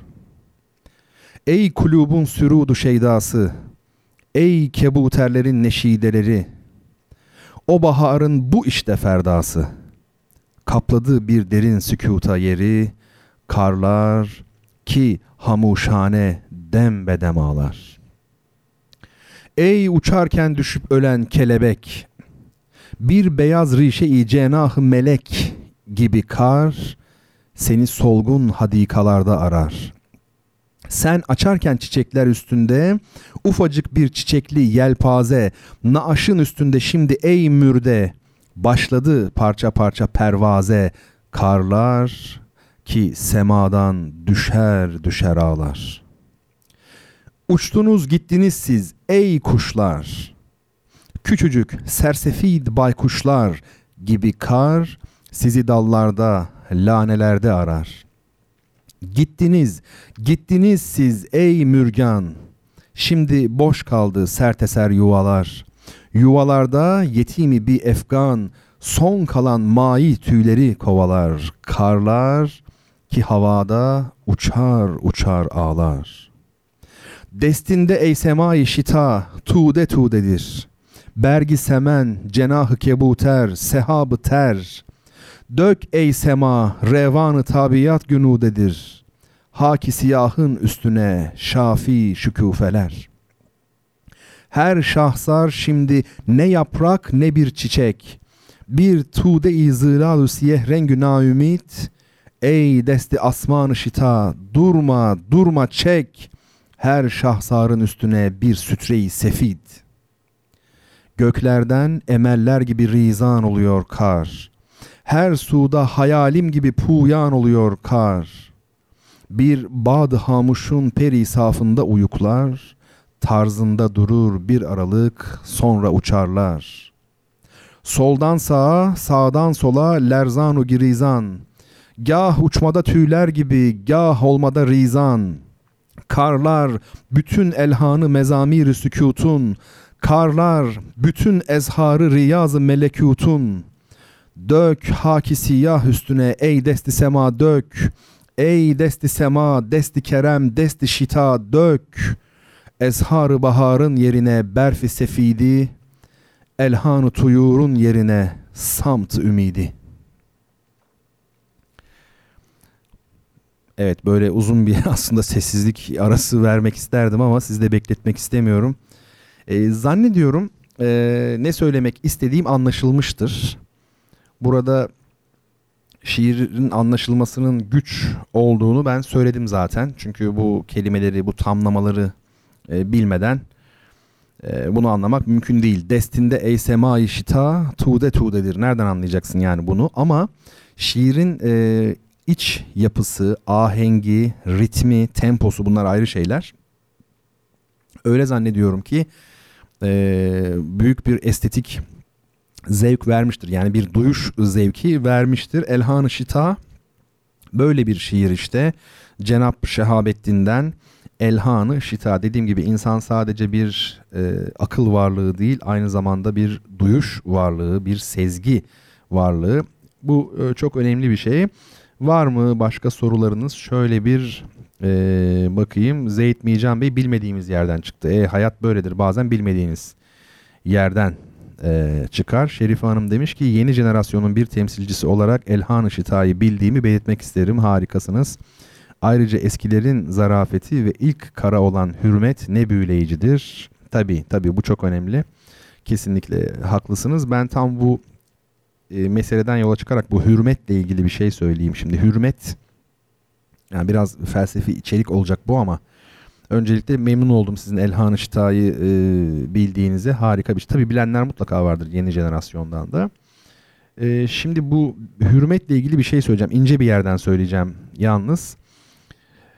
E, şöyle. Şimdi kadim medeniyetlerde eski e, topluluklarda mitoloji çağında diyelim yani mitolojiye şöyle bir bakacak olursak ben sen ilişkisi vardır insanla tabiat arasında. Yani bebekle anne gibi düşünün. Ben sen. Orada bir üçüncü varlığa yer yoktur. Yani e, o diye bir şey yoktur. Yani psikoanalizde babaya denk gelen veya dini açıdan bakarsak tanrıya diyelim hadi denk gelen bir o üçüncü bir e, varlık olmamış oluyor. Yani insan ve tabiat o dönemin algısını anlatmaya çalışıyorum. Şimdi ben sen sen dediğiniz zaman karşınızdaki kişi bu aslında neyi gösterir? İletişim kurduğunuzu gösterir. Çünkü iletişim kurmayacağınız varlığa sen demezsiniz. Mesela size ne kadar yakın olursa olsun kol saatinize, efendim elbisenize değil mi sen diyemezsiniz. Neden? Çünkü iletişim yok aranızda. Odur o. Yani uzak da olsa filan hep o. Yakın da olsa uzak da olsa iletişim yok. Dolayısıyla ancak senle bir e, iletişim söz konusu. İletişim kurduğunuz kişiyle ister istemez bir hürmet bağınız olur. Yani en azından böyle bir kaygı duyabilirsiniz. Tabii herkes böyle değil. Keşke öyle olsa. Öyle insanlar var ki bugün dünyada nüfus olarak daha kalabalıklar. Ee, karşısındaki kişiye sen olarak gördüğü kişiye de büyük böyle hürmetsizlik ediyor. Edepsiz davranıyor falan. Bunlar olabilir. Ama o söz konusu olduğunda uzakta bir varlık olduğunda ona bir hürmet olmaz. O bir nesne gibidir aslında. O bakımdan kadim top, kadim toplumlarda ben sen ilişkisi olduğu için tabiatla, tabiata ve doğaya karşı aşırı bir saygı vardır. Uzak doğulularda dikkat edin deneyden ziyade böyle filmlerde falan görürsünüz. Çinliler falan böyle hep böyle gözlerler. Astronomi o yüzden gelişkin. Gözlemde çünkü müdahale etme yok. O hürmet kırılmamış oluyor. E, modernite ile beraber tabii bir e, tabiatın nesneleştiğini görüyorsunuz. Zaten işte ham madde kaynağı olarak tabiata müdahale etme, öyle değil mi? Petrolü çıkarma bilmem ne yapma. Burada bir nesneleşme var. Artık o. Yani artık e, sen olmaktan çıkmıştır tabiat. E, bu önemli bir şey. Yani bu tabii e, değerli dinleyicimin söylediğinden yola çıkarak söyledim ama başka bir konu bu. Hürmet meselesi tabii ki. Aklıma geldi yani e, onu da söyleyeyim dedim. Şimdi dükkanı kapatacağız birazdan ona göre yani. E, varsa sorularınız köprüden önce son çıkış hala e, alabilirim. Değil mi? Bu Twitter ne güzel bir şey. Belki önümüzdeki haftalarda belki değil de yani zamanını bilmiyorum. Şimdi şöyle bir şey kendimle ilgili bir açıklama yapmama müsaade edin. Sevgili dinleyicilerim. Çok fazla şey var. E, talep var. E, şöyle bu talep e, ben şimdi çeşitli konferanslar veriyorum. İşte felsefe dersleri falan yapıyoruz. Bazen müzikle ilgili bir şeyler yapıyoruz şu bu. Tabii bunlara ulaşamayanlar oluyor. Pek çok yani Samsun'da yaşadığım için ben şehir olarak buradaki insanlar belki daha rahat ulaşabiliyor ama şimdi bunların hani paylaşmanın yolu ne olabilir? İnsanlar bu sohbetlere nasıl katılabilir falan diye e, birkaç çok sevgili dinleyicimle işte Dropbox'tan hadi paylaşayım bir şeyler yapayım falan diyorum ama bunları düşünürken zaten daha evvel de aklımda olan bir şey geldi aklıma. Deneyeceğim yani bakacağım. E, talep var çünkü insanlar istiyor. Belki böyle bir e, sanal akademi kurma imkanı olabilir. E, internet kanalıyla ders yapma. E, yani hani var ya öyle sistemler bilirsiniz yani şey de olabilir, görüntülü de olabilir, sesle de olabilir. Sizler yazarak mesela soru sorabilirsiniz. Ben e, anlatırım, siz benim sesimi duyarsınız. Tahtamız olur yani mesela böyle bir sistem. Onun içerisinde yani çok güzel şeyler yapabiliriz. Bu bu sezonki konferansların benim 12 tane mesela o bir konferanslar dizisi yapılabilir. Yani sürekli konular değişir tabii. Her ay bir tane mesela 15 günde bir bir tane. E, başka konu başlıkları olabilir. Etimoloji olur, başka şeyler olur. E, efendime söyleyeyim felsefe yine yapılabilir. Müzikle, opera ile ilgili yapılabilir. Bazı yazılarımı orada paylaşabilirim. Dolayısıyla böyle bir platform e, söz konusu olabilir. Sizlere duyurmak istedim şimdi bunu. Eğer e, realize edebilirsem, gerçekleştirebilirsem sizlerden gelecek şeye de bağlı. Yani istekler var ama belli bir noktaya gelmesi lazım. Yani boşu boşuna da şey açmanın bir anlamı yok. O zaman e, güzel olur yani. Daha rahat bir şekilde e, görüşmüş oluruz. Efendim kitabı hediye edeceğim iki çok değerli e, dinleyicim ve göndereceğim. Onlar şu an bana yazdılar sağ olsunlar adreslerini. E, bu arada kapatmadan evvel de şunu söyleyeyim. Şimdi önümüzdeki hafta programı yapana kadar e, bana isteklerinizi yazabilirsiniz. Yani ben öyle şeyleri açığım. Mention olarak da yazabilirsiniz Twitter'dan. Yani hocam şu konu üzerine de konuşalım mı falan gibi varsa öyle arzularınız neden olmasın. Ben biraz böyle seviyorum yani hazırlanmıyorum zaten hiçbir şeye böyle doğal olsun istiyorum. Hayat öyle çünkü yani. Çok da mükemmel değil hayat kabul edelim. Ee, o bakımdan yazabilirsiniz. Bir de önümüzdeki hafta bir özel program yapacağım. Vagıf Mustafa Zade özel programı var. Bunu da çok düşündüm aslında hani. E, Vagıf Mustafa Zade çok büyük bir e, piyanist. E, caz piyanisti. Onunla ilgili bir program yapacağımı hep duyurmuştum. Ha, programın tamamını aslında Vagıf Mustafa Zade'ye ay- ayırmak istiyorum. Ama e, öyle yapabilirim. Şu da olabilir. Hani dört bölüm halinde yapıyorum ya ben programı. Mesela her bölümde en az 10-15 dakika yine Vagıf'a ayrılabilir mesela. Ama onun dışında diğer konulara da ufak ufak devam edilebilir. E, dolayısıyla ya tamamen Vagıf Mustafa Zade ağırlıklı bir program, yani tamamen Vagıf'ı aldığımız bir program olacak, ele aldığımız ya da en az %75 oranında yine Vagıf olacak. İçinde müzikler tamamen e, Vagıf Mustafa Zade'ye ait olacak. E, şimdi zaten final parçam olarak çok kısa bir parça dinleteceğim size. O da Vagıf Mustafa Zade'den olacak. Şimdi ne kadar büyüleyici olduğunu hemen fark edeceksiniz yani böylelikle reklamını da yapmış olayım haftaya yapacağımız programın. Vagıf Mustafa Zade'nin kayıtları eski kayıtlar. Yani böyle temiz gelmiyor ses. Piyano bazen böyle çok laterna gibi çok kötü gelir. Çok sert çalar Vagıf. Çok piyanoyu vuran biridir böyle. Ee, sonra aşırı süsleme yapar bazen yorar sizi. E o zaman niye Vagıf bu kadar büyük değil mi? Yani bütün bunlar e, oluyorsa. Neden büyük? Çünkü ruh işte o onun açıklaması yok. Vagıf çaldığı an her şey değişir bir anda. Bunların de- detayını tabii şey yaparız. Önümüzdeki hafta artık konuşuruz. Eh bu kadar şimdilik yani artık dükkanı kapatıyoruz. Hiçbir şey olmamış gibi yapacağız. Sizler uyuyacaksınız falan. Bu çok hoşuma gidiyor. Her defasında söylüyorum galiba. Ee, bilmiyorum çünkü programları dinlemiyorum sonradan dönüp tabii. Ee, ama çok hoş değil mi yani öyle değil mi yani dinliyoruz sonra hiçbir şey olmamış gibi yapıyoruz. Herkes yatıyor falan ben de gidiyorum eve. Böyle hayat böyle bir şey. Efendim haftaya e, görüşene kadar hepinizi hürmet ve muhabbetle kucaklıyorum. E, you are in my heart.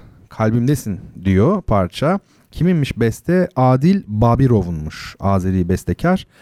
E, ama piyanoyu böyle o ruhuyla böyle dokunup acayip şeyler çıkaran kişi de Vagıf Mustafazade. Hepinize iyi geceler.